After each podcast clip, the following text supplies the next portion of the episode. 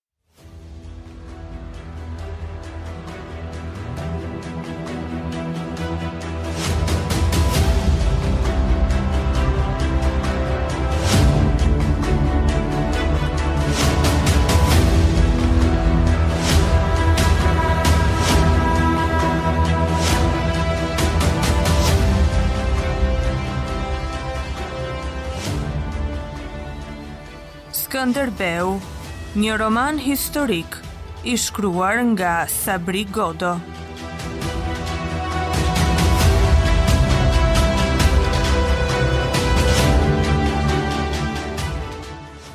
Kapitulli 13.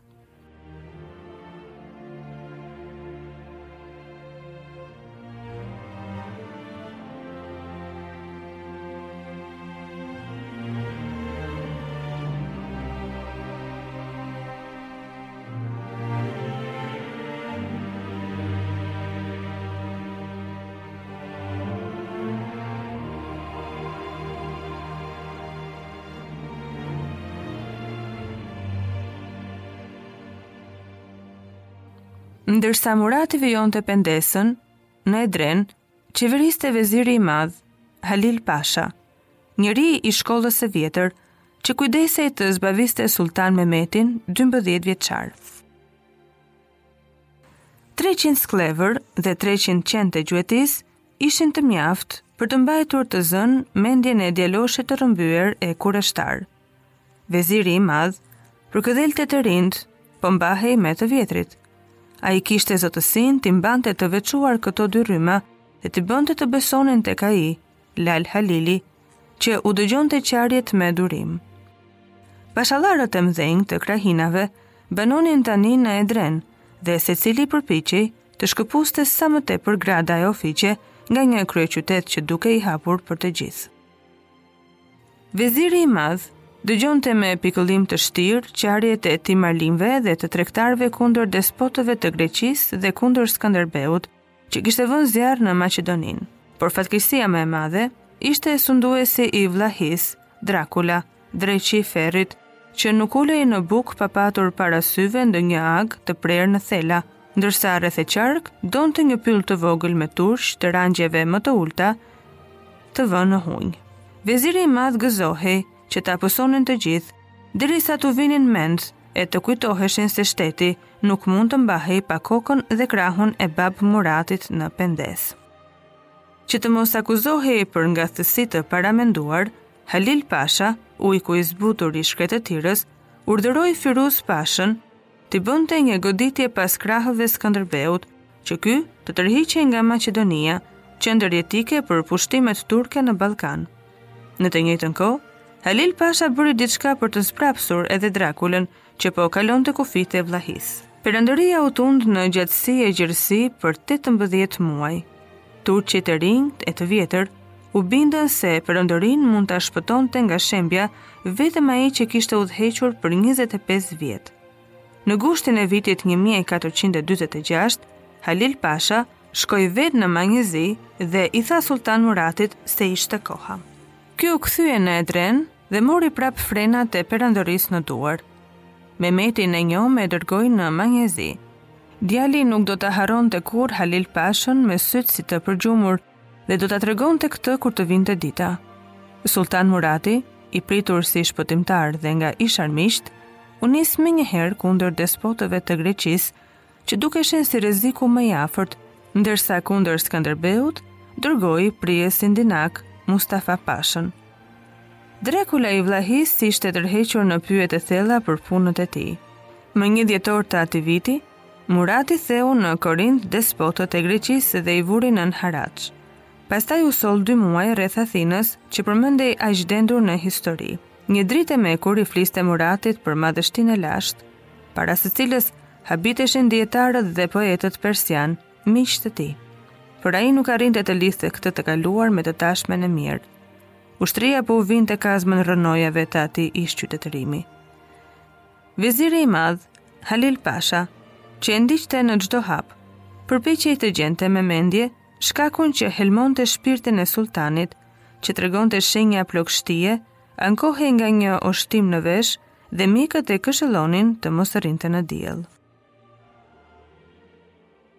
Firuz Pasha i nisur kundër Skënderbeut për t'i dhënë këtij një goditje të befasishme, ishte ndalur 5 ditë në Shkup. Aty e tutje fillonte një tokë e vështirë. Firuz Pasha duhej të hetonte vendin, t'i hapte rrugë vetes për karvanet e ushqimeve dhe 10 topat, Kjo kohë, i mjaftoi Skënderbeut që të dilte me 4.000 veta në kryqëzimin e Drinit të Bardhë dhe të Drinit të Zi. Më 10 tetor 1446, Firuz Pasha kishte hyrë në një grykë të thellë. Mbi kokë kishte një rrip qielli, në të majtë, Drinin e Bardhë të turbullt e të fryrë, dhe në të djathtë male të larta pa mbarim. Ai i kërcënoi të rripte udhërrëfyesit. Ata u qanë se ushtria lëvizte ngadalë dhe nuk do të dilnin nga ai vend para perëndimit të diellit. Atëherë, Firuz Pasha e detyroi pararojën të ecte me vrap. Në atë grykë të thellë, ai s'mund të bënte tjetër, veçse të ecte. Një orë para perëndimit të diellit, pararoja prej 1500 vetash ra në pritën e Skënderbeut. Firuz Pasha nxitoi përpara të arrinte pararojën, por kolona e tij e gjatë s'mund të bashkohej e të radhitej në atë vend të ngushtë, ndërsa armiku po i binte sipër me peshën e shtuar të lartësive.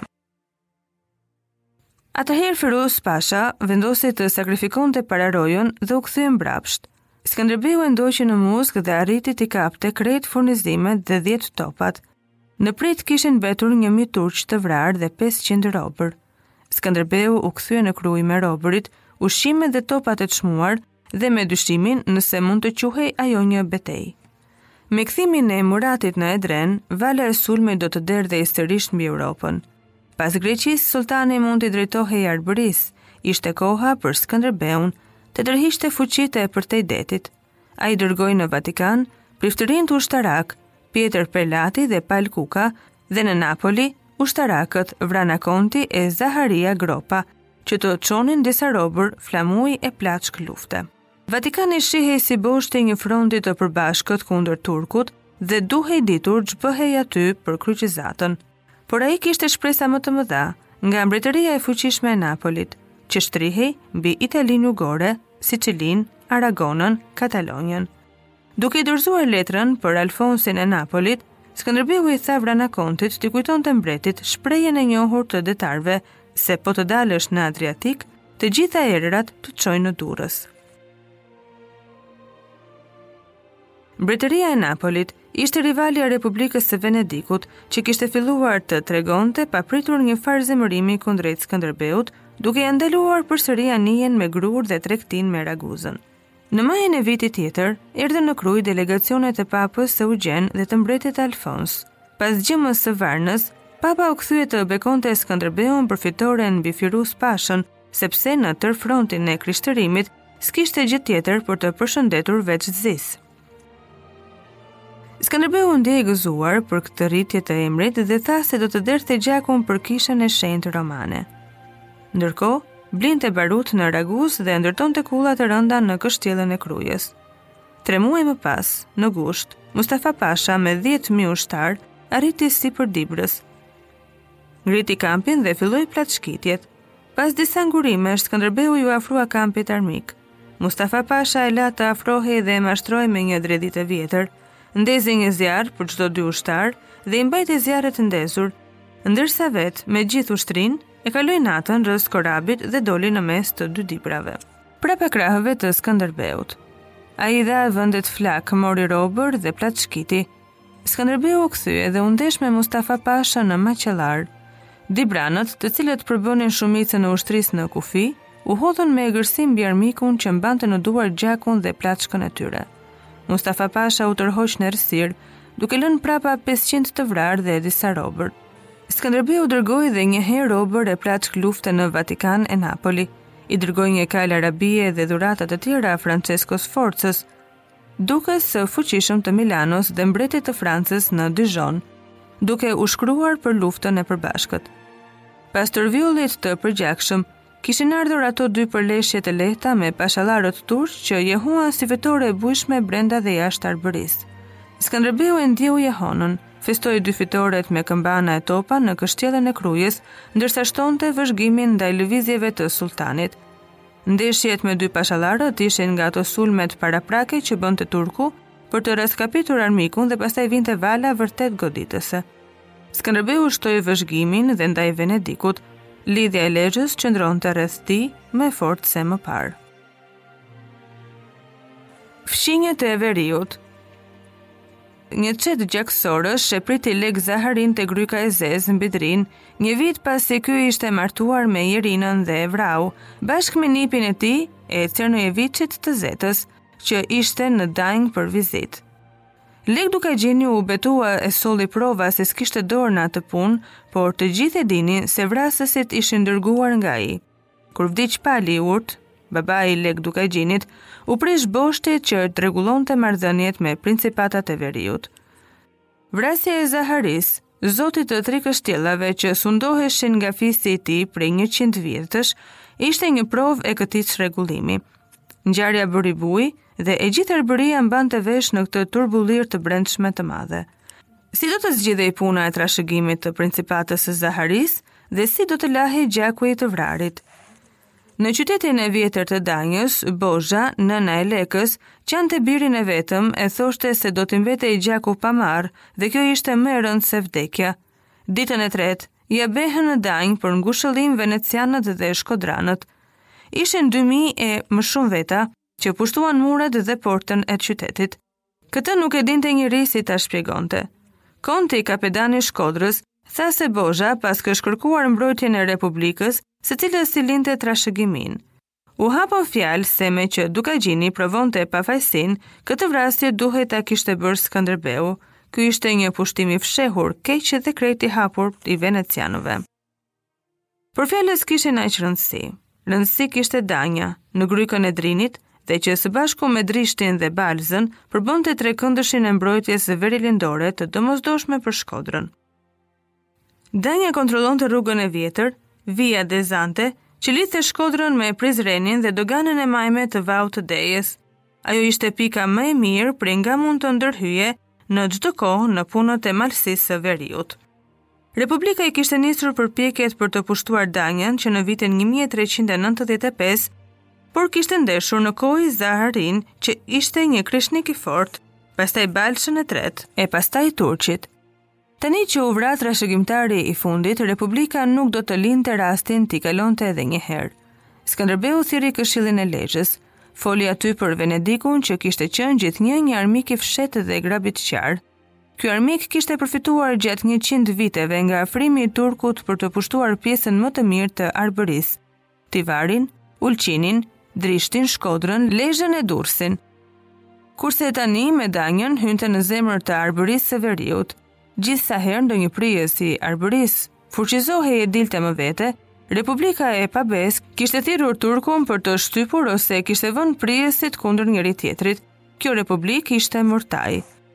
Si e shprehu tërë mllefin ndaj Republikës, Skënderbeu u vuri para këshillit një kartë të nënshkruar prej tij dhe Zaharisë në Torvioll. Ata i kalonin njëri-tjetrit trashëgiminë, nëse njërin prej tyre e rrëmbente vdekja pa trashëgimtar. Skënderbeu kërkonte pëlqimin e këshillit për çlirimin e Danjës. Këshilli i dha të drejtë Skënderbeut për të gjitha ankimet ndaj Venedikut, por karta që kishte vënë aty përpara për trashëgiminë ngjallte disa dyshime. Askush nuk kishte pasur dijeni për kartën gjer atë ditë. Lufta me Venedikun e vinte Arbërinë ndërmjet dy zjarreve. Kjo mund të sillte edhe përçarje në veri. Gjatë pesë viteve, Skënderbeu ishte provuar i besës e shpirtmadh, strumbullar i lidhjes.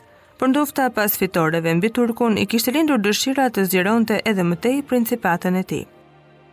Krerët e lidhjes po rrinin në mëdyshje. Burrat e urtë, Vranakonti e Gjurica, thanë se duhej dërguar një përfaqësi në Senat të kërkonin dorëzimin pa luftë të Danjës dhe ndëshkimin e proveditorit të paturp të Shkodrës.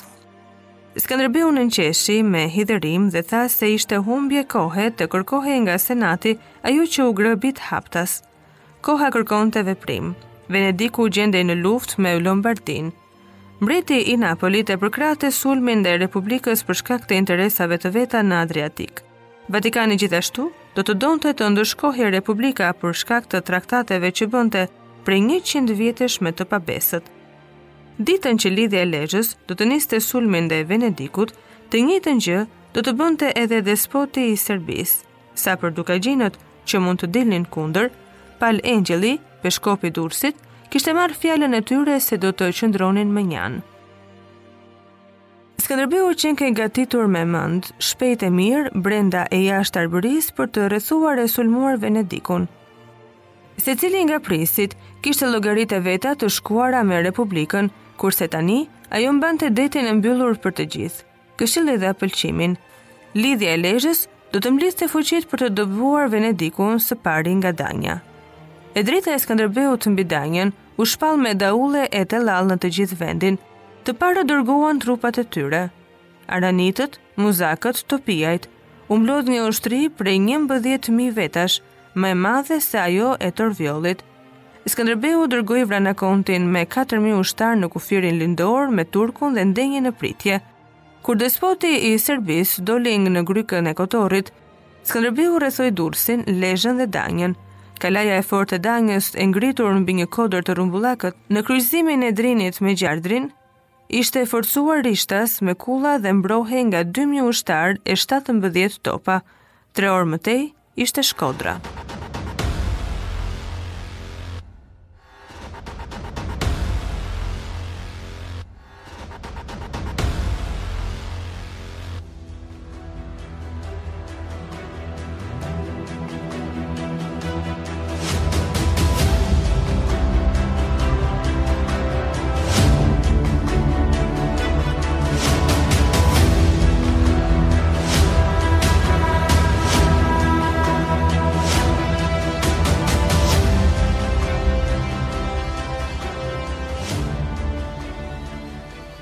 Skënderbeu, një roman historik i shkruar nga Sabri Godo.